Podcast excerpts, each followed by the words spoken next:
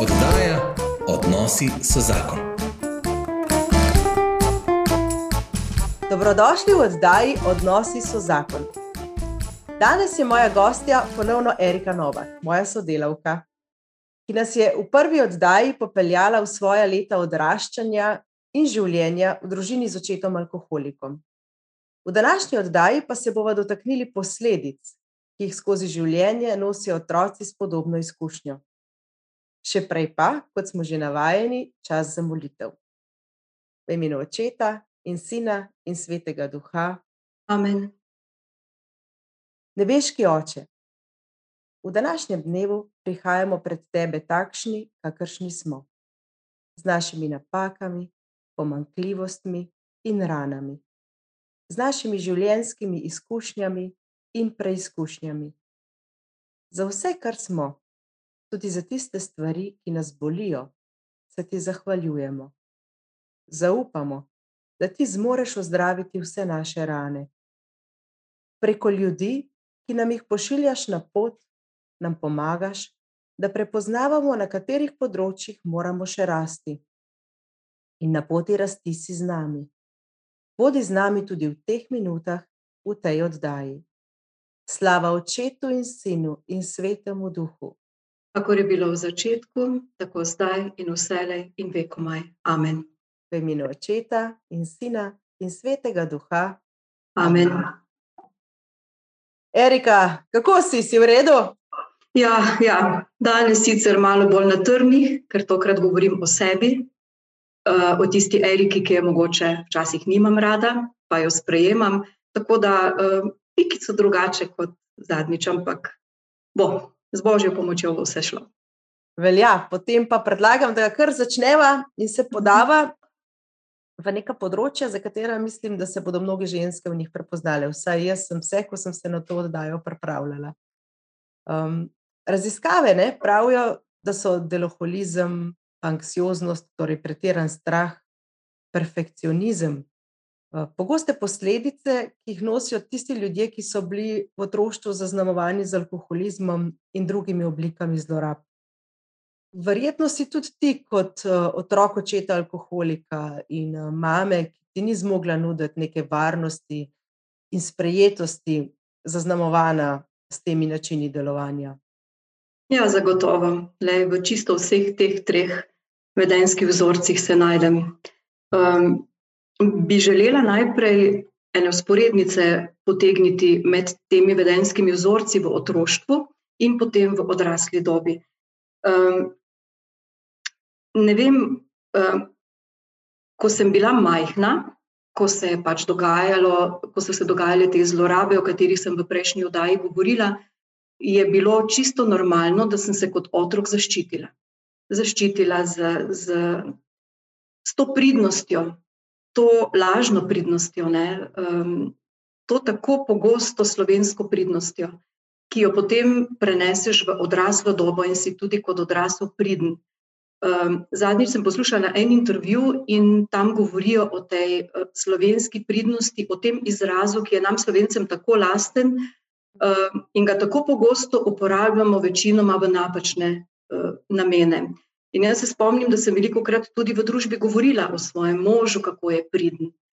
In, um, in taka, kot sem bila, um, pridna, uh, ubogljiva, mrljiva, vse narediti, vse, vse porihtati, vse poštimati, taka sem potem tudi zdaj v odrasli dobi. S tem, da zdaj se tega zavedam, dolga leta se pa tega nisem zavedala. In recimo, primeri v službi. Um, ne vem, redko, uh, vedno sem imela veliko dela.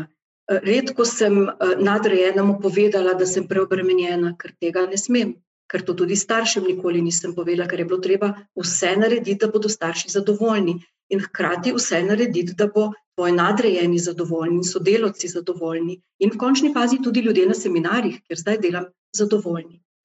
Uh, to delaš zato, ker te je strah pred zavrnitvijo. Uh, to je potem ta strah, o katerem ti govoriš, ne? anksioznost, pretirani strah, strah, da boš zavrnjen, strah, da ne boš pohvaljen, ne vem, strah pred lastno nemočjo, uh, strah pred tem, da če poveš, da ne zmoreš, da si ranljiv. In zdaj te drugi vidijo, tebe, močno žensko, da si ranljiv, da sem ranljiva. E, tudi perfekcionizem do neke mere. E, ne vem, vedno mora biti izdelek, ki ga dam od sebe, čisto, tipi topi. Se mi je zgodilo, da sem eno slovnično napako našla v nekem, ne vem, ali urniku, zdaj za seminarje, ali včasih v kakšnem dopisu, in sem šla vse na novo printati in popraviti, ali mi ni bila všeč pisava ali slikca. Mislim, kakorkoli um, si nagnjen, vsaj jaz sem nagnjena k temu, da mora biti vse lepo in tudi doma, kako so slike obešene, kako brisače visijo, kako so kozarci postavljeni. Mislim, to so težke stvari, mm. ki jih imaš, včasih uh, malo tudi značajsko, ker si mm. značajski tako, uh, dosti krat pa res ti vedenski vzorci, ki jih potegneš iz svojega otroštva, takrat si jih moral delati, ker si pač moral preživeti. Zdaj mm -hmm. pa to delaš, vsaj jaz sem delala v dobri veri, da delam dobro in da je to nekaj pozitivnega. In zelo težko je potem videti, da, da pa je to tvoja, ne vem, hiba, oziroma ne vem, če je pravi izraz, ampak neka neka vedenska motnja, jo, s katero se pa je treba soočiti in poskušati jo potem nekako um, spreobrniti v dobro in se zavedati tega, ne? ampak o tem bomo verjetno malo kasneje govorili. Ja. Tako da ja, v vseh teh deloholizem, strah, perfekcionizem, domače zadeve podpišem. A si se ti uh, Kdaj si se v bistvu začela zavedati, no, da, da so to v bistvu neki obrambni mehanizmi, da to ni dobro?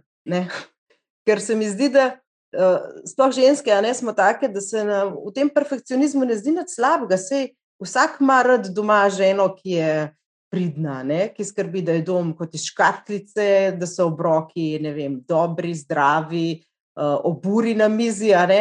Um, recimo, a ti je mož kdaj namignil? hej, žena, tole je pa čisto mač, ne vem, da imamo mi tako vse v nulo poštiman. Ne, veš, uh, zdaj mi že namigne. Ne? Čeprav, gledaj, jaz moram povedati, da mi dva sta oba uh, kot otroka bila zlorabljena. Jaz sem že povedala, kako.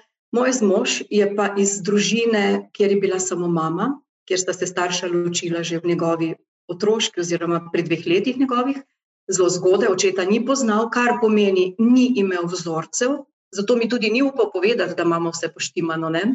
Hkrati je pa imel mamo zelo posesivno in potem posledično ženo zelo posesivno. In on je bil tega vajen. Po, po značaju je pa tudi, veš, on je strojnik, um, zelo tako uh, lakocepski. Oni vem, merijo s pomičnim merilom, z šublerjem po domače, to mora biti vse na milimetre. In, in Tako da tukaj imamo nekje podobne, mm -hmm. podobne pričakovanja, ne? tako da to ne, ampak to je v zvezi z opremo in s takimi stvarmi. Seveda se je pa ta moja kontrola in to moje uh, komandiranje, pa seveda širše razpletlo. Mm. In uh, on je bil vajen biti tiho, poslušati, kaj mami reče, obogati mamico, in posledično je on to vedensko. Uh, ta vedenski vzorec prinesel pa do žene. In zdaj, ko se o tem pogovarjava že odkrito, ko sva toliko zrasla v tem najnem odnosu, ko sva odrinila toliko na globoko, brez strahu, da se utopiva, hmm. zajela tudi pod vodo, eh, sapo, ne, um, zdaj upa povedati. Pretiravaš ali pa nehaj, komandiraš me, zdaj si upa. Prevčasih pa je preprosto tako, kot on je, utihnil, naredil to, kar je pač bilo treba za narediti, in, in ni tega povedal. Ni. Ampak verjamem, da v sebi mu pa ni bilo uh, vse eno. Zagotovo ne, ne. To, to zdaj poskuša včasih povedati, čeprav še mu zelo težko gre iz jezika. On vedno me samo pohvali, pa lepo mm. si, pa, pa, pa dobro skuhaš. Ne redko, kdaj od njega doživim res iskreno, da, da, da, da upa povedati. No, tako globoko je to mm. v človeku in v njemu in v meni. Ne. Tako da. Um, lej, to, to, to so pač naše, sama si rekla, ne, da smo ženske take. Mm. In uh, mimo grede imamo otroke in še moža za otroka. Jaz mislim, da je to tudi ta slovenska pridnost no, teh sodobnih žena, ki, ki pač moramo biti, um, moramo vse poštimati in vse urediti, da bomo na zunaj lepi. Ne? In to je tudi mene vodilo. Ker mi, ko smo bili v naši družini, smo na zunaj morali, a da reko, da ne bojo videli, da se kregamo. Prav, mm. prav bilo nam je.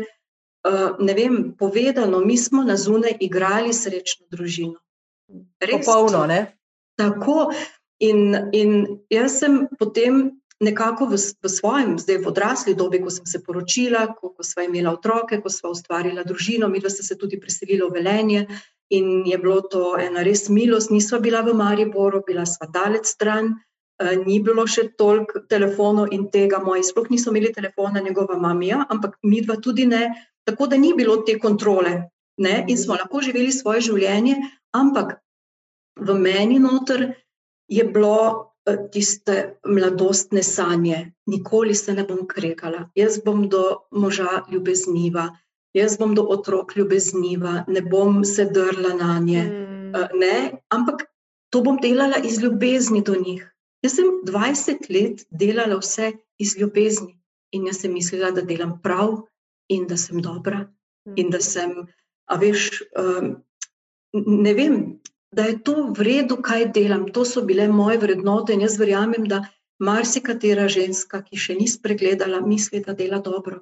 In če jo vprašaš, dela dobro in, in išče izgovore ne, za to, to svoje delo. Recimo, ne vem, jaz nikoli nisem potrebovala pomoči. Vedno. Vedno sem zmogla vse sama, hmm. rabiš pomoč, ni potrebno. Ne? Kdorkoli me vpraša, vse sama, uh, potem, ko je bilo pa vsega konec, sem pa dosti krat pred domačimi bila čisto izčrpana, utrujena, noben mi ne pomaga, žrtev. Ne. Mm, pa jezda, jezda na cel svet, verjetno. Ne? Ja, ja, ne. In včasih otroci so se že upali, pa da je eno, pa se smo te vprašali. Ne, tako, mm. A veš. Vedno za vsako zabavo, ko smo imeli, ali pa kakšna družinska sreča, ne, seveda, narezki, peciva, to je bilo vse moje. Ne.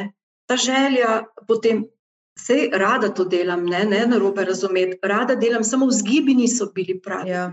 Ne, ne, če, če zdaj vem, da ne zmorem, rečem, le oprosti, jaz tega ne zmorem, boš ti to naredil, ti to naredi, dajmo se zmeniti, kdo bo kaj si delo porazporedimo. Takrat pa v tej želji, da si res uh, pohvaljen, ker tega ni bilo pri nas v mojem otroštvu, da narediš nekaj, pač ti svoje talente, združiš tudi za to obupno željo pred potrditvijo. Mm. Predtem ne priznati, da si ranljiv. Tudi v službi ne, sem si nosila delo domov. Nikoli nisem nekako povedala, doma mož je že poslušal, koliko imam za delati, mm. tudi živeli z menoj, ampak ni bilo problema do 12, enih zjutraj knjižiti, za tri ure spat, pa ne vem, ob štirih naprej. In jaz sem bila ponosna na to. In če kdo ni tako delal, sem si mislil, da je no, reveš. Če jaz zmorem, zmoreš tudi ti. Tudi mm. pričakovanja do ostalih so potem napačna. Ne? To se vleče kot domine, ne? te vedenske, vedenski vzorci. In prav je, da se s tem soočimo, čeprav je zelo težko in si zelo ranjen, no? ampak osvobajajoče na nek način. Erika, prej si umenila, ne, eh, kako pač eh, ti mož večkrat ni, ni upal povedati kakšnih stvari. Ne? Mhm sem se spomnila na tisto misel. Ne, uh, ko si poročen, se moraš odločiti, ne, ali, bo ali boš imel prav, ali boš imel pa mir. Ne. Hm, in se mi zdi, da veliko naših mož se odloči, da bo imel mir. In enostavno um, nas nič več ne upozorijo, ne, ker se bojijo našega odziva, ker smo mi zelo hitro lahko užaljene, uh, prizadete. Pričemer pa uh, mi pa kar lepo kritiziramo, pa ne vidimo svoje uh, mogoče napačne komunikacije do svojih mož. Ja, zagotovo ne. Si umenila, ne, že malo to, ne, kako ta občutek, uh, želja po kontroli. Da, uh, zakaj, lahko malo razložiš, kako se počuti človek, ki je zaradi zlorabe, ki jo je doživel, tako obseden s kontrolo, da v bistvu mora kontrolirati vse, kar je možno v svojem življenju, otroke, moža. Eh, bom rekla, malo za hec, še vreme bi kontroliral, če bi ga lahko, verjetno. Da ima spusti nas v, v svojo dušo, kakšne občutki se porajajo v tebi, ko začutiš, da ene situacije nimaš pod kontrolo. Kako se takrat počutiš? Tako kot sem se počutila kot otrok, preprosto panika. Kaj bo ne, kaj bo, če bo šlo nekaj narobe. Uh, ljudje me bodo videli nesposobno. Jemljem na sebe to krivdo, um, da, da se ena stvar ne izpelje. Vse, ne, ko, ko ti kontroliraš, si ti in charge of, to se pravi, glavn nad vsem. Sam se narediš, ne dopuščaš, da se v nekem um, skupnem družinskem projektu, v nekih počitnicah, v nekem, ne vem, praznovanju nekega rojstnega dne, da smo vsi vključeni in je to spontano, in da ni nič narobe, če se kaj polije, če, če ni vse, vsega peciva spečenega, če, če pač da ne vem, nekdo eno drugo skledo na mizo ali pa nekaj. Ne. Vse more biti popolno in ko si. Ko ti to sliko vidiš, ne, ker ti si narediš načrt dela, uh -huh. kakšen bo ne, um, in preprosto vstaješ, ne vem, kdaj zjutraj, da vse to narediš, da pa gostje, ko bodo prišli, res popolni. Veš, pri nas v moji družini, uh, primarni družini, je bila, uh, mi smo stanovali v bloku, tudi mi dva zdaj stanujemo v bloku. To so uh, naša, vsi naši sorodniki, večina ljudi, ki so bili, ki so k nam hodili, razen teh pač mestnih prijateljev, so imeli hiše, Vedno je, bilo, vedno je bila polna skrinja, vedno so bile domače klobase, domače pečen kruh, številčne družine, veliko prostora. In ko si k njim prišel na obisk, nikoli ni bilo problem narezati eno salamo, drug ne in te stvari pripraviti. Pri nas pa tega ni bilo. Pri nas je bilo pa stanovanje majhno, sosedovem si si sposodil nekaj stolov, bilo je samo šest stolov, mi smo bili štirje, pa stara mama, to se pravi pet. Za vsak obisk je bilo potrebno v dnevni sobi narediti prostor, mizo tja prenesti, si sposoditi od koga kaj, nabaviti stvari. Naš hladilnik nikoli ni bil tako poln, oziroma mi nismo imeli neke skrinje, ker bi bile mm. zaloge kruha, salame, ne vem, nekje, v, ki so visele v nekih, ne vem, na gospodarskih poslopih, tako kot je bilo to na deželi. Mm. Pri nas, če so se, recimo, večinoma so prihajali ko smo imeli kakšna praznovanja v smislu krstov, ne vem, obhajil Birm ali pa za Jožefovo. Vsako leto, ko je Ati, Ati bil Jože, ko je mm. bilo Jožefovo, takrat so prišla njegova dva brata in del družine, recimo, ampak en, pri enem bratu je bilo šest ljudi, pri ta drugem, ne vem, pet ljudi, pa še kdo bi se našel. In, in to je bil za mojo mamo tak, tak stres, Ona je 14 dni prej ni vedela, kaj bi naredila od hudega, ne, kje, kje se bo, kje bo hranila stvari, kaj bo pripravila. Ponavadi potem je, je seveda mrfi, ne, potica ne rata, pecivo malukne, skratka, šunka se prekuha.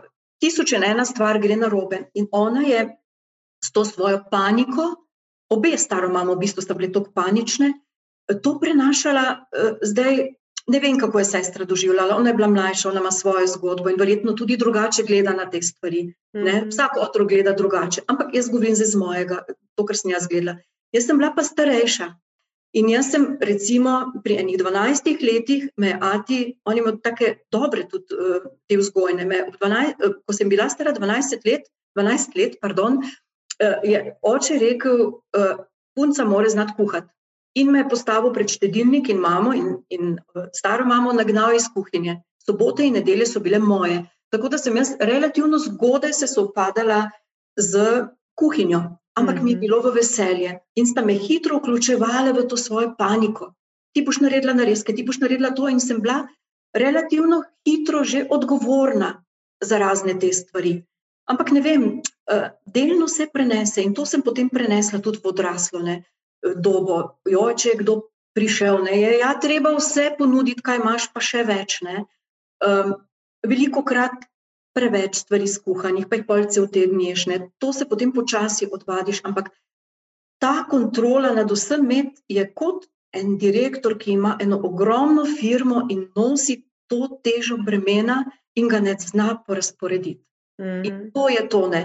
Nosiš ta križ in te tako dol pritiska, in nisi sproščen, normalno, tako Marta si, ne? nisi Marija, ki sediš k obisku k nogam mm. in poslušaš, ki se z obiskom pogovarjaš, ki si sproščen, ampak vedno si v enem krču, kje boš kaj imel, spalnica je vedno bila najna postelja, polna peciv, narezko, vse nekaj moraš hraniti, da ne bojo ljudi videli, kam bojo dali, boš imel dovolj copat. Banalne stvari. Mm. Ampak to je tvoja realnost in, in uh, ljudje moramo začutiti, ali pa ženske moramo začutiti, da se je treba tukaj ustaviti, da ljudje so prišli sicer nekaj malega pojesti, v glavnini so prišli pa na druženje. In da se uh, razen tistih žensk, ki pridajo k nam, nobene sekira, kako je. Ampak kakšne druge ženske pa hitro znajo povedati, ne? a veš, ko smo bili pa pri oni tam zadnjič, pa ni bilo tega, tega, tega. Ne? In ti ne vede, a veš, tudi znamo biti pikre, znamo mm. stoditi, znamo eh, pogledati, ko gremo v kopalnico, če je kaj praha po tleh. Ne vem, jaz se zalotim v tem, ne vem, kako si ti ali kako so druge, ki bojo zdaj poslušale, ampak veliko krat eh, eh, na hitro preskeniraš stanovanje, v katerega prideš. Ne? In ti pa hočeš dati en vides ene popolnosti. No, to, to, s temi vzorci sem se jaz srečevala in ta kontrola ni usvobajajoče. Jaz sem bila na koncu tako izčrpana, kot da bi vem, eno skalo premikala vem, od, od, od Pirana pa do Velenja. No. Res pa bi v bistvu ta, ta dogodek moral biti nekaj lepega, mm. nekaj sproščujočega. Ne. Dobro, vse so bile tudi smo peli, veliko pa vse, ampak en delček mojih misli je vedno bil pri tem, kaj še je treba. Glej, mi dva sva tudi, recimo, poroko poroko najno sama organizirala. Jaz sem sama pecivo pekla, nobena od mam niti ni ponudila takrat, da bi, da bi kaj pomagala. Mm. A si mm. zamisliš, jaz sem za svojo poroko, sicer nas ni bilo veliko, nekaj čez 20, sama pekla pecivo, sama sva se šla pogovoriti. Mene, mene, ne mojega moža, so prišli na takari spraševati, kdaj naj kaj serviramo. Jaz od svoje poroke ne vem nič. In tudi se je ne rada spominjam, veš, mm. kako globoko gre ta kontrola. No, um, ampak vse, kot sem že prej omenila, v zavedanju, da delaš dobro, da delaš prav, da, da, da to, to potrebuješ, to samo potrditev, oziroma potrditev drugih, oh, kako je bilo dobro, oh, kako si pa to dobro naredila. To potrebuješ, zato ker tega nisi dobil, in detektore za pohvalo imaš tako močne, in tako si želiš o, da te me pohvaliti, glej, mm. vse narediš, ne? ni pa prav, zdaj vem, da to ni prav. Takrat sem bila pa veliko krat ponosna na to, če je kaj dobro izpadlo. Mm. Sploh, če še pol moš rekel, joj, pa je fajn bilo, ne, in sem iskala, ti pa to, pa to je bilo narobe, ne, ne, ne, me je vedno pomiril, super si bila. Da, imam moža, ki me doskrat pohvali, to me je mogoče malo reševalo, no, ampak um, ni prijetno biti um, težko je, no? ko si tega osvobojen. Oh, zdaj diham in zdaj se pa res lahko sprostim, ko je pride kako obisk in se usedeš in klepetaš, in potem mi gre, da rečeš, a kjer kaj popil, pa daš ena rešitev, gor pa je stvar rešena in se ne obremenjuješ, ker so ljudje prišli k meni in k mojemu možu in k naši družini, ne pa k temu, da bi moje kulinarične sposobnosti občudovali. Ne. Ja, to si zdaj super istočnica dala, ne? ker v resnici um, ljudje ne vemo, da smo velikrat ujetniki, ne sami sebe, pa nekih lastnih navad ali pa, pač želja, ki jih imamo, želje po potrditvi, po sprejetosti. Um, in tako kot si že sama lepo rekla, ne, uh, ta napredek narediti od tega, da uh, ne vem, če imaš obiske, da ni cel obisk uh, zdaj pokvarjen, če je šla ena jed na robe ali pa se je v pečici zažgala.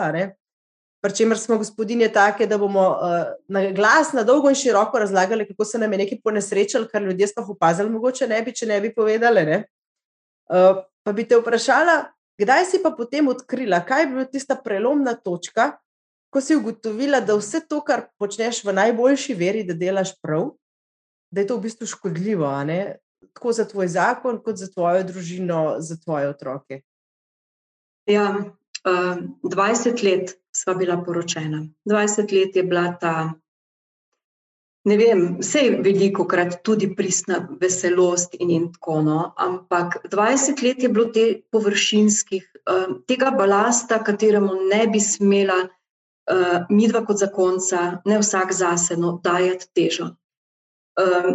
Potem se nam je pa zgodila naša jasmina na, naša, naš drugi otrok, druga hčerka, ki je pa uh, silila ven iz kalupa, katerega se mi jaz pripravila ali pa mi dva kot starša pripravila. Ne? To pač imaš en kalup in noter ulivaš to seme ne? in mora biti noter in ti to um, lepo uravnavaš. Zdaj, ne vem, sin je drugačen in je nekako ostal v tem kalupu in teh pričakovanjih oziroma ne vem, verjetno uh, bi, bi ga morala vprašati, kdaj, koliko je on uh, bil jezen, ne, ko se o tem, se moramo še malo pogovarjati o tem, tudi sinom.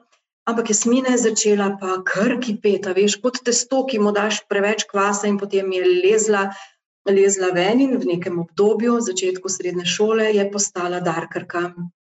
Je bila črna, črno-črna, od oblačil do oči, do, do uh, nohtov, kaki piercingi, prebodena, um, ne vem, tetovaža, potem um, budice. Skratka, čez noč se je najna deklica ali pa moja deklica, roza, lepa punčka, uh, spremenila v človeka, ki ga jaz nisem poznala in mi dva nisva poznala kot starša. In takrat um, sva se zavedala, no, mi dva sva se skupaj zavedala, veš, ni med nama bilo razdora, da sva skupaj mm. počela te stvari. Uh, obsedela enkrat eno soboto v kuhinji in, in mislim, da sem jaz rekla zlato. Nekaj delava na robe, to ne gre več, mi dva morava najni črki pomagati. Ne znava, ne, tukaj pa ne znava, tukaj sva pa pogrnila na celi črti. In potem pade na tebe to obupno breme, da ti nisi dober kot starš da si nekje, nekje zgrešil in mm. iščeš potem izgovore, ne, um, da, da si pač delo po najboljši veri in, in po najboljšem znanju, seveda. Ampak uh, jaz sem vedela, oba sva pravzaprav vedela, ampak jaz sem dala pobudo, da si morava pustiti pomagati. In to res svetujem vsem. Ko vidite, da gre na robe, ali pa že prej, če ste dostno uh, tenkočutni, senzibilni, pustite si pomagati. Mi dva sva uh, iskala pomoč, seveda, v, v, v katoliških vodah, uh, pri duhovnikih, uh, pri mojih sodelavcih. Ko sem bila na teološki fakulteti, takrat so me takoj, so bili res, uh, sem jim hvaležna, no, takoj so odreagirali in sva mi da bila zelo hitro na Frančiškanskem družinskem inštitutu in tam bila deležna šestih terapij. Ampak mi dva sva šla pomagati najnih čeri. Zgodilo se pa je že na prvi terapiji, da sva se soočila s kruto realnostjo, da v bistvu mi dva rabiva pomoč in da je ona odraz naju, najne mladosti, najnih mhm. vedenskih vzorcev. In takrat sem jaz osebno ugotovila, o moj bog, aha, a to, kar jaz delam, ni v redu. Pa vse sem se delala z namenom, da nam bo boljše, kot je bilo nam. Mm. A, a ni v redu, a tudi to ni v redu, tudi ta druga skrajnost, ne kregace, tudi to ni v redu. Ne? In uh, to toliko boli. To zavedanje, uh, to, da moraš sam sebi priznati, kako kak pacek si bil, mislim, kakšna sem bila. Um, in da, da, da zdaj moja hčerka trpi zaradi tega in, in pada v brezno, in mislim, kriva sem pa jaz s svojim obnašanjem. Ne? To so res um, taka spoznanja, take preizkušnje. Tako da uh, najprej je bil res šok. šok um, Potem mogoče, seveda, najprej pri vsakem takem šoku je malo zatajevanja, malo opravičevanja. Mm. Uh, no, potem sva bila takoj uh, tudi napotena na seminar družine in življenja, na, na nepozabne trenutke za najo, ki so bili takrat v Ankaranu in tam zopet. Drugo za drugo spoznanje, vsak nagovor. Vsak nagovor, po vsakem nagovoru sem bila bolj, bolj gola. Um, kot veš, čebula, je šel ta oklep iz mene in, in to spoznanje. No, um, jaz sem zelo hitro spoznala te stvari, um, kakšna sem. Uh, prav videla sem, veš, dano mi je bilo res ena taka božja milost, dano mi je bilo videti sebe v določenih trenutkih in v odnosu do moža. Prav, prav fizično, no to sem že tudi na pričevanju o, o tem komandiranju, moža govorila. Fizično sem se videla v določenih trenutkih najnega življenja, ko, ko ne delam prav, in do otrok, ne, in to bolino. Um, Reka, te lahko prekinem. Ja, Kako pa to, da se nisi recimo, takrat v tej krivdi čisto utopila, kaj te je pa takrat v bistvu reševal? Ker lahko na tej točki veliko ja. parov v bistvu ja. neha hoditi na terapije. Ja. Ko mhm, ugotovijo, da bi morali spremenjati sebe, da ni otrok problem, ogromno parov ne zmore tega koraka. Ne? Kaj je takrat pomagalo, da sta zmogla? No? Kaj vama je pomagalo?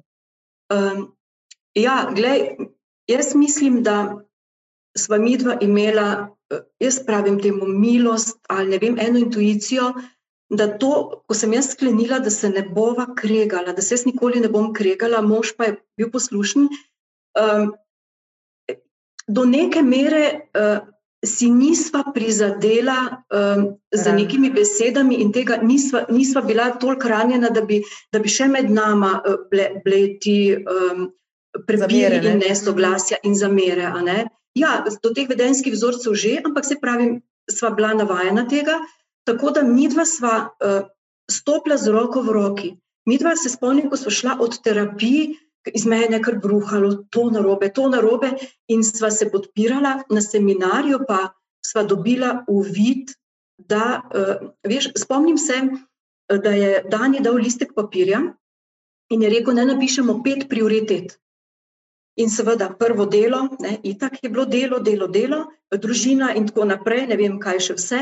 In on pove, uh, pravi, veste, kaj sem pa jaz napisal. Pri meni je pa na prvem mestu Bog. In takrat je meni tisto, a veš, tudi ko spregledaš, da, da imaš v bistvu, mi smo bili skavti, mi smo bili vsa, vsako nedeljo pri maši, pri dveh pevskih zborih, um, v ŽPS-ju, ni da ni aktivni v cerkvi, ampak to so mhm. tiste kljukce, tiste nedeljniki. To narediš, da zadostiš. Smo molili doma, vse smo delali, ampak pri nas Bog ni bil doma, čakal je, glej, stojim pred vrati in trkam. In mu nismo dovolili, ne kot družina, da vstopi, ne jaz osebno. Nisem odprla vrat, pa rekla: Le, Jezus, pridi noter, večer je z menoj, pripravljeno je, ti boš vse pojedel, ne glede, kaj bom skuhala. Mm. In, in ta, ta zavest, to, da je rekel, da ni Bog na prvem mestu, potem oče je skrbnik družinske molitve in tega, to je zlatko ta zadelo. Uh, in, in to, da, so, da je kljuka na vratih, s katerimi stopa Bog v tvoje življenje na notranji strani, kar pomeni pri meni, da jo moramo odpreti. Tako da jaz mislim, da mi dva sva imela res to veliko srečo in uh, milost, da sva da sva takoj na začetku, ne, ker to je bilo kar hitro, to se je v 14 dneh zgodilo, um, ali pa v enem mesecu dejansko, da sva takoj začela z molitvijo, da sta se takoj v zakonsko skupino vključila. In potem tudi na druge seminarje, kasneje hodila, da sva mm. videla to potrebo in da sva videla, in da takoj, ko sva pa dovolila Bogu, da vstopi in začela s to skupno molitvijo, uh, so se pa vsaj pri meni začeli pa res, tako kot sem ti rekla, ne ti, da se vidiš, In uh, potem sem pa ja potrebovala kakšne pogovore, mi da so te terapije naredila do konca. Tam so na, naučili kregati, da je tudi recimo en majhno nesoglasje že začetek prepira in da če je polno teh majhnih nesoglasij, pravimo pometenih pod preprogo, se enkrat spotakneš in potem zbruhne ven. Jaz sem veliko krat potem sem se spomnila, sem imela kakšne samogovore in sem napijala slabo vest, ne, uh, zlatko to in, no, in pričakovanje in vse. Ne? Potem sem pa videla, hej, ustavi se ženska, da ti sebe poglej, svojo notranjost čisti, svojo. Mm. Um, zelo jasno mi je bilo, ko sem prebrala, da je v človeku, v človeškem srcu. Je sicer veliko kamrica, ne vsak ima nekje svoj, svojo kamrico, tudi ti imaš pri meni eno kamrico, ne? ampak dve veliki kamrici sta pa v eni uh, noter odlagaš negativne misli, negativna pričakovanja, mislim, ta uh, svojo nemoč, jezo, slabost, kritiko, mm. kritizerstvo, vse tam noter odlagaš v drugi, odlagaš pa zahvale in veselje in srečo in ne vem, zadovoljnost in uh, to, da si sam sebi všeč. Da, da, da veš, da si vreden v božjih očeh, In v kateri kamerci se bolj zadržuješ, kje si raje, tako tudi tvoje srce odreagira. Takšen si. Mm. In sem začela zavestno se zadrževati v oni, ta veseli kamrici, tam, ko, ko ti je lepše, tam, ko je upanje. In vzgajati svoje srce nekako, da, da začne drugače odreagirati. Ne? Ker prej včasih je bilo dosti tega. Ne? Jaz sem po mojem otroštvu filala samo to polnila, grdo govorim, se pravi, čujem svojemu narečju, ampak polnila to kamrico Mm. jeze, nemoči, zamer. In, in tam notor je bilo veliko ujetnikov, vključno z menoj. Ne? In, in Mm. potem je potem tudi proces odpuščanja. Skratka, ne vem, za najo je bilo odrešujoče vključevanje v zakonske skupine. Uh, sva nekaj obdobij bila, zdaj smo v treh, recimo, ne? pač nekaj več mi dva rabiva, sva pač taka nepoboljšljiva. Tako no, seminariji, pogovori, molitvene skupine. Imam veliko takih prijateljev, veš, tako kot smo, recimo, mi dva tudi, ko so v pisarni, dosti klepetava in tam upaš odriniti na globoko, upaš nastaviti, pogledati v ogledalo, ki ti ga nekdo nastavi. Ne. To zdaj znam, Eh, čeprav še zmeraj, eh, še zmeraj je, so te vedenske stvari tako globoko zapeljane, da čisto dobro ne bo nikoli. Ne. Eh, Moraš biti vedno pozoren, vedno pa nisi. Me kakšna stvar spravi iz tira in odreagiram čisto tako, stara Erika, veš. Ampak zdaj vem, ne, se ustavim, izprašam vest, pač pri spovedi sem bolj pogosto. Imam stalnega spovednika, mu samo naštejem to, to, to, itak ve. Ne, tako da znam um, ubesediti in znam prepoznati, um, zakaj se mi to dogaja, analizirati. Z Zlatkom se zdaj ogromno pogovarjava. In Mm. tudi še zmeraj to ne pomeni, da je on zelo glasen in zelo dost govori, ker Mhm. pač je značajsko drugačen. Ampak jaz mu dovolim njegovih pet minut ali pa njegovih deset minut in ga poslušam in spodbujam. In, in zdaj že počasi se tudi on odtaja in mi upa kaj povedati, Mm. da ne bom jezna in prizadeta. Ne? Ker zagotovo, če mi je kdaj mogoče kaj povedal, le, sigurno je videl, kako se mi je povesil obraz. No.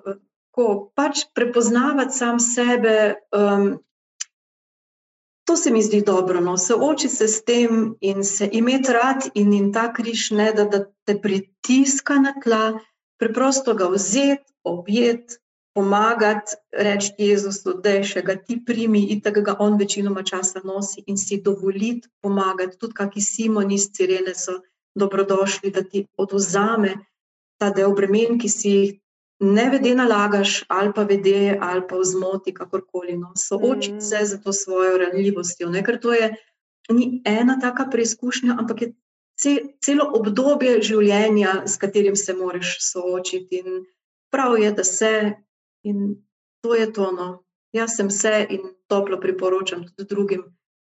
Sem tudi komu na razpolago, če me bo potreboval, sem vajena tega, da me kdo pokliče in kje kaj podebatiramo. No, super, ker si to rekla, ne, da si navajena, da te kdo pokliče. Ne. Bo kar nadaljevala uh, z eno uh, stvarjo, ki vsi, ki te poznajo, ne, vejo, da si zelo natančna, ustrežljiva, vedno prijazna, da redko, redko se razburiš. Ne. Um, in to je neka taka lastnost, take ljudi imamo načeloma vsi radi. Ne. Uh, take, ki nikoli ne rečejo ne in so vedno na razpolago. Uh, v čem je pa problem, če si ti tisti, ne, ki ne znaš reči ne in si vedno na razpolago? Um, Malo si že omenila ne, te vzgibe in vzvode, zakaj nekaj delamo. A lahko še ta, ta vidik malo osvetljiva? Najprej hvala, ker me vidiš tako, ker me ljudje vidijo tako. Ampak lej, jaz upam, da je zdaj, kar sem pri družini življenju, teh zadnjih 15 let, ko se vzgajam, veliko krat ta ustrežljivost pristna in ta natančnost in, in ta prijaznost. Ker tudi delo, ki ga zdaj opravljam za zakonce, posebej na seminarjih, mora tudi imeti en vides in tudi mora biti nekako ne čisto popolno, ampak dobro, da si ljudje potem zapomnijo, eh, pridajo tja in da uživajo tudi v teh drobnih stvarih. Tako da to je moje delo. Naredim tudi to obdobje, lepo sobo, ne vem, kakšno presenečenje v sobo, da so sprejeti, da se ne smejiš, ko pridajo. Ne, ampak jaz mislim, da zdaj je to taka iskrena pristnost, eh, da ni več to tista pridnost, da nekako prehajam iz te pridnosti, ki je samo zato, da zadostiš in zaradi strahu, da nisi sprejet, da prihajam zdaj v to, v to drugo, v to pristnost, da to jaz sem.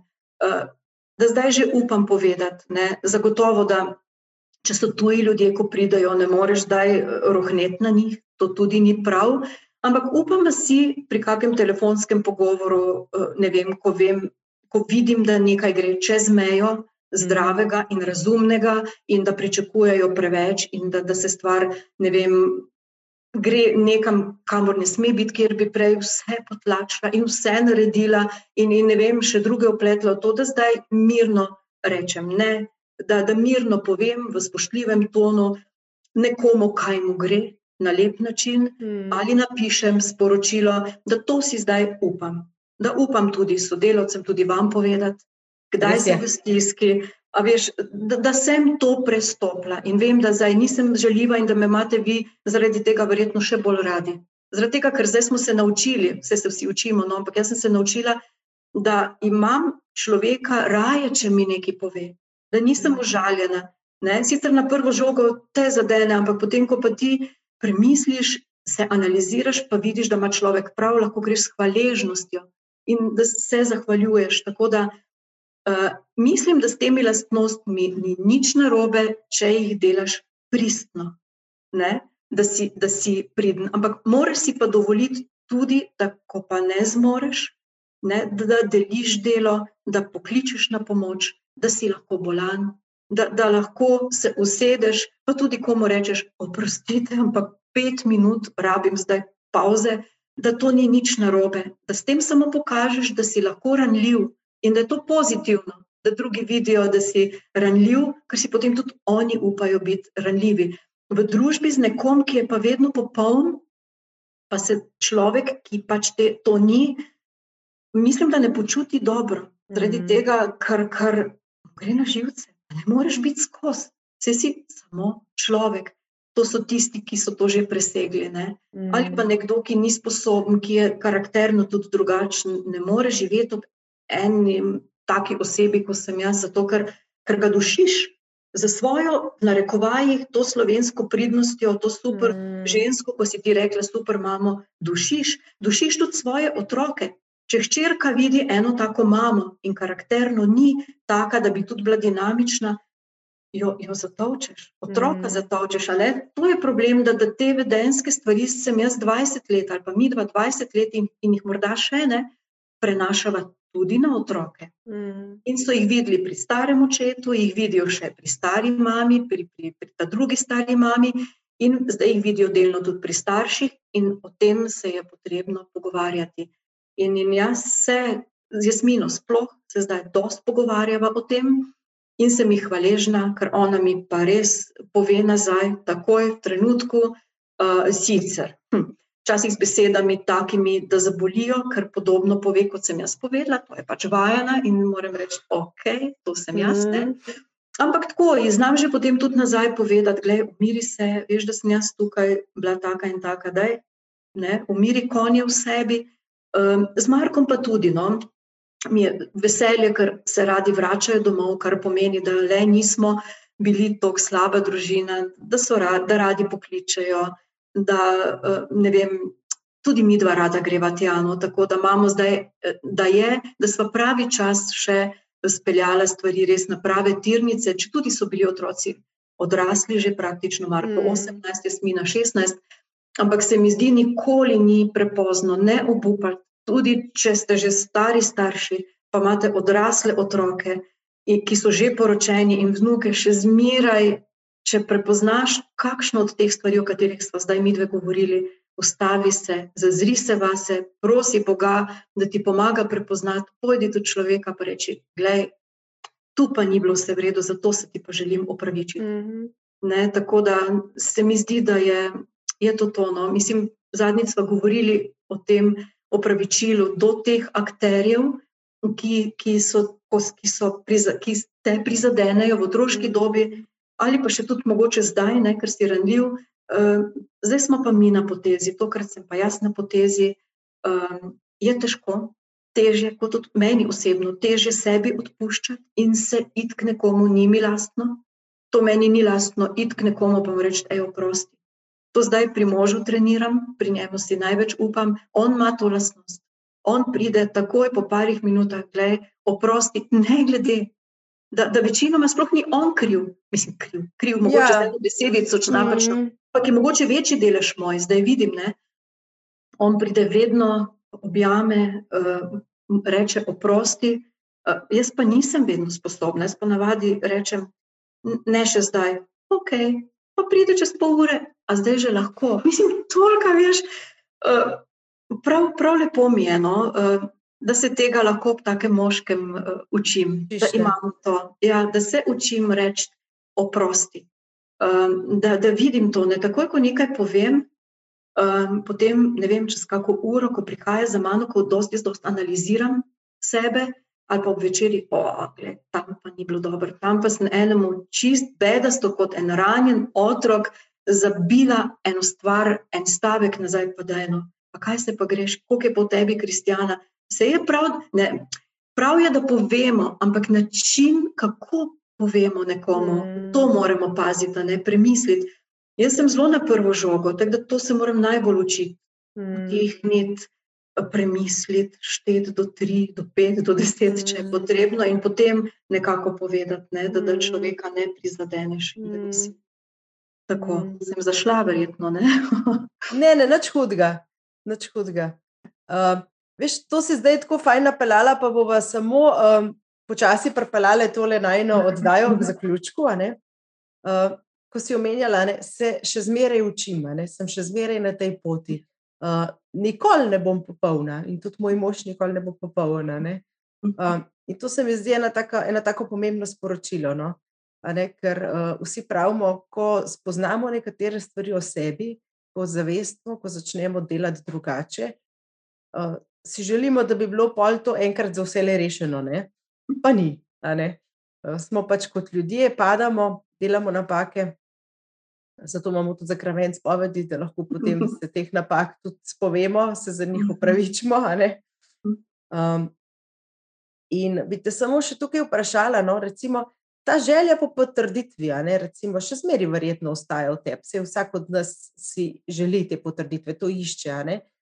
In zdaj, ko nekako veš, da niso vsi okoli tebe tisti, ki ne bi ti to potrditev dajali kje najdeš to potrditev? Oziroma, kaj bi rekla vsem tistim, ki smo ranjeni, ki iščemo to sprejetost, ta občutek varnosti, kje naj ga iščemo, da ne bomo s tem pretirano obremenjevali uh, svojih zakoncev, svoje družine ali pa tistih, s katerimi živimo, pa delamo skupaj.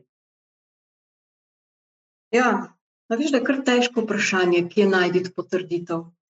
Jaz um, Mene mož dosti potrjuje, to je res, eh, to imam srečo. Um, zavedanje, da sem ljubljeni božji otrok. Um, da, da ne glede, kaj naredim na robe, um, ja, čez poved lahko dobim odpuščanje. Uh, potrditev dobim tudi zato, ker se zdaj sama sprejemam sebe.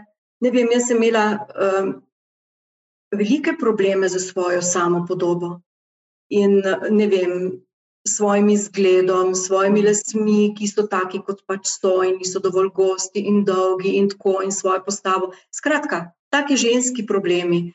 Um, in zdaj pa se zjutraj, ko se zbudim, ko se pogledam v gledalo, rečem, hej, lepa si božji otrok si, lepa si.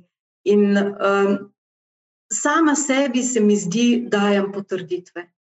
Um, prej si jih nisem, ne? prej nič ni bilo, karkoli sem naredila, dovolj dobro, vedno sem potrebovala. Ne? Ampak zdaj imam tudi cel kup enih prijateljev okoli sebe, gledaj že našo ekipo, naše. Eh, zakonce, kjerkoli smo, eh, ljudje, ki smo skupaj na tej, na tej poti, ki te tudi potrjujejo. Um, drugače pa, veš, iskreno povedano, um, se mi zdi, da niti nisem več tako ževčna te potrditve. Zato, ker se s tem več ne obremenjujem, ker sem šla čez to. Ne? Tako da, v redu, vse ti godi, če nekdo reče, to si pa dobro naredil, ampak niti pa nisem tega, da bi mi nekdo ploskal, da bi me nekdo javno izpostavljal. Uh, to sem jaz, delam z veseljem, ni me treba, ne? jemljem to že zdaj. Mi je včasih tudi malo v nadlego, no, če, mi, če mi kdo pretirano um, pravi, da je vse ok. Pa je hvalite. Ja, ja, ne vem, no, jaz nisem, no, nisem človek, ki bi, ja, želela sem si, ampak ne v tem smislu, da bi me nekdo hvalil. Jaz, ko sem si od staršev želela, sem si želela samo to, da bi me kdo objel. Moj jezik, um, jezik ljubezni je tudi so dotiki in seveda besede potrditve. Ja. Mm. Ampak na tisti pristen način, ko sem v tistem trenutku, nekdo ti mogoče reče hvala ali pa dobro je bilo, ali pa tako, no, ne, ne teh hvalo in uh, slavo spevo. Mm. Tako da, uh, ne vem, jaz črpam, zdaj to res um, v teh skupinah, ko smo uh, v svojem zakonu, ki je zdaj res odrinil na globoko najn odnos, drugače pa tudi potreba potem se počasi umirja. Mm. Uh, ni več tako močna in tudi strahu ni. Jaz čutim, ne vem, v sebi en mir, Uh, bila sem recimo zdaj dva dni, ko, ko sem vedela, da bomo to snemali, um, malo znemirjena, mogoče govoriti o sebi, ko sem se pripravljala, ampak potem, ko sem zmolila, sem rekla, gospod, da mi mir, uh, je v meni mir. Mm. In, skozi smo tako prisotni, vse bo dobro, mir, mm. tukaj sem. Um, tako da, ne vem, to je verjetno tudi uh, prednost biti v odnosu z, z Bogom. Ja. In imamo ta privilegij in, in to prednost, saj jaz jo tako jemljem. Tako da, to je to. Točno to, kar si rekla, ne, sem, sem jaz razmišljala. Ne, če ti prepoznaš svojo vrednost v božjih očeh, ne, potem ne iščeš več te potrditve toliko zunaj sebe. In uh, v bistvu je to edino, ne, kar nas lahko rešuje, kadar ker smo nagnjeni k temu, da pač iščemo to potrditev zunaj sebe, da se zavedamo, da če se ne čutimo vredne, ljubljene od Boga, od človeka, tega ne bomo nikoli dobili v taki meri, kot bi rabili. Ja. In, in to tudi pomaga pri ozdravitvi, to zavedanje, da pri Bogu si pa vedno bil ljubljen. Mm. To, meni je bilo to spoznanje, da, sem, da je moj oče v nebesih in moja mati v nebesih, mati Marija, da sta vedno bila usporedno in pri njima sem pa bila ljubljena, da sta nekako pomagala staršem mojim, pomagala, no, nadomestila uh, to, kar nista dala, da tam pa sem vedno sprejeta. To mi je bilo tudi eno izmed uh, mehanizmov mm. za to, da sem odpuščala potem staršem, ne, da imam očeta, ki pa sem ljubljena da, da lahko k njemu v objem spležem. Čeprav zelo težko, ker pri svojem fizičnem očetu nisem znala, ne, eh, je težko tudi z Bogom nekako. Je treba kar biti ustrajen pri tem, da, da mm. stopaš v odnos z njim, z Marijo. Um, ne, ker, ker ne poznaš tega, kako je, da se k mamici stisneš. Um, mogoče črpam bolj iz tega, kako jaz stisnem svojega otroka ali pa zdaj vnuka, kako se privije, kako mu še petaš. In na tak način vem, da, da tudi Bog za nas skrbi, tudi ko smo odrasli, ne, da On nas nikoli ne zapusti, ne glede kako hudo je.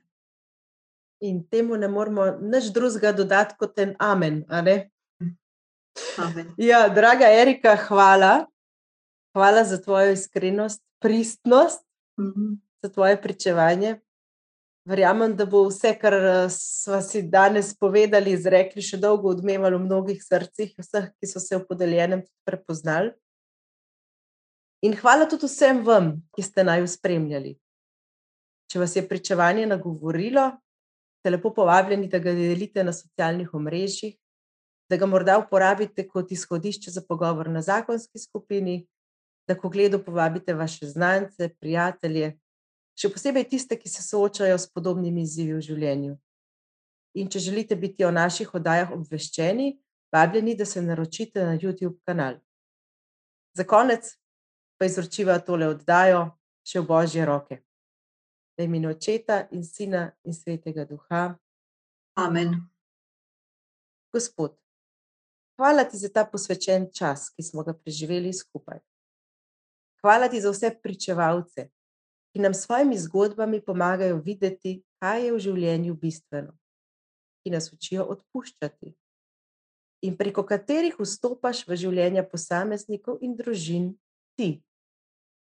Izročamo ti naše zakonce, naše družine, naše otroke in našo domovino. Naj se tvoja ljubezen razlije na vse, ki se počutijo osamljeni, žalostni in jezni, ki jih je strah prihodnosti. Daj, da bi zmogli vedno znova prihajati k tebi, ki si pot, resnica in življenje. Slava Očetu in Sinu in Svetemu Duhu. Kakor je bilo v začetku, tako zdaj in vselej in vekomaj. Amen. V imenu Očeta, Sina in Svetega Duha. Amen. Amen.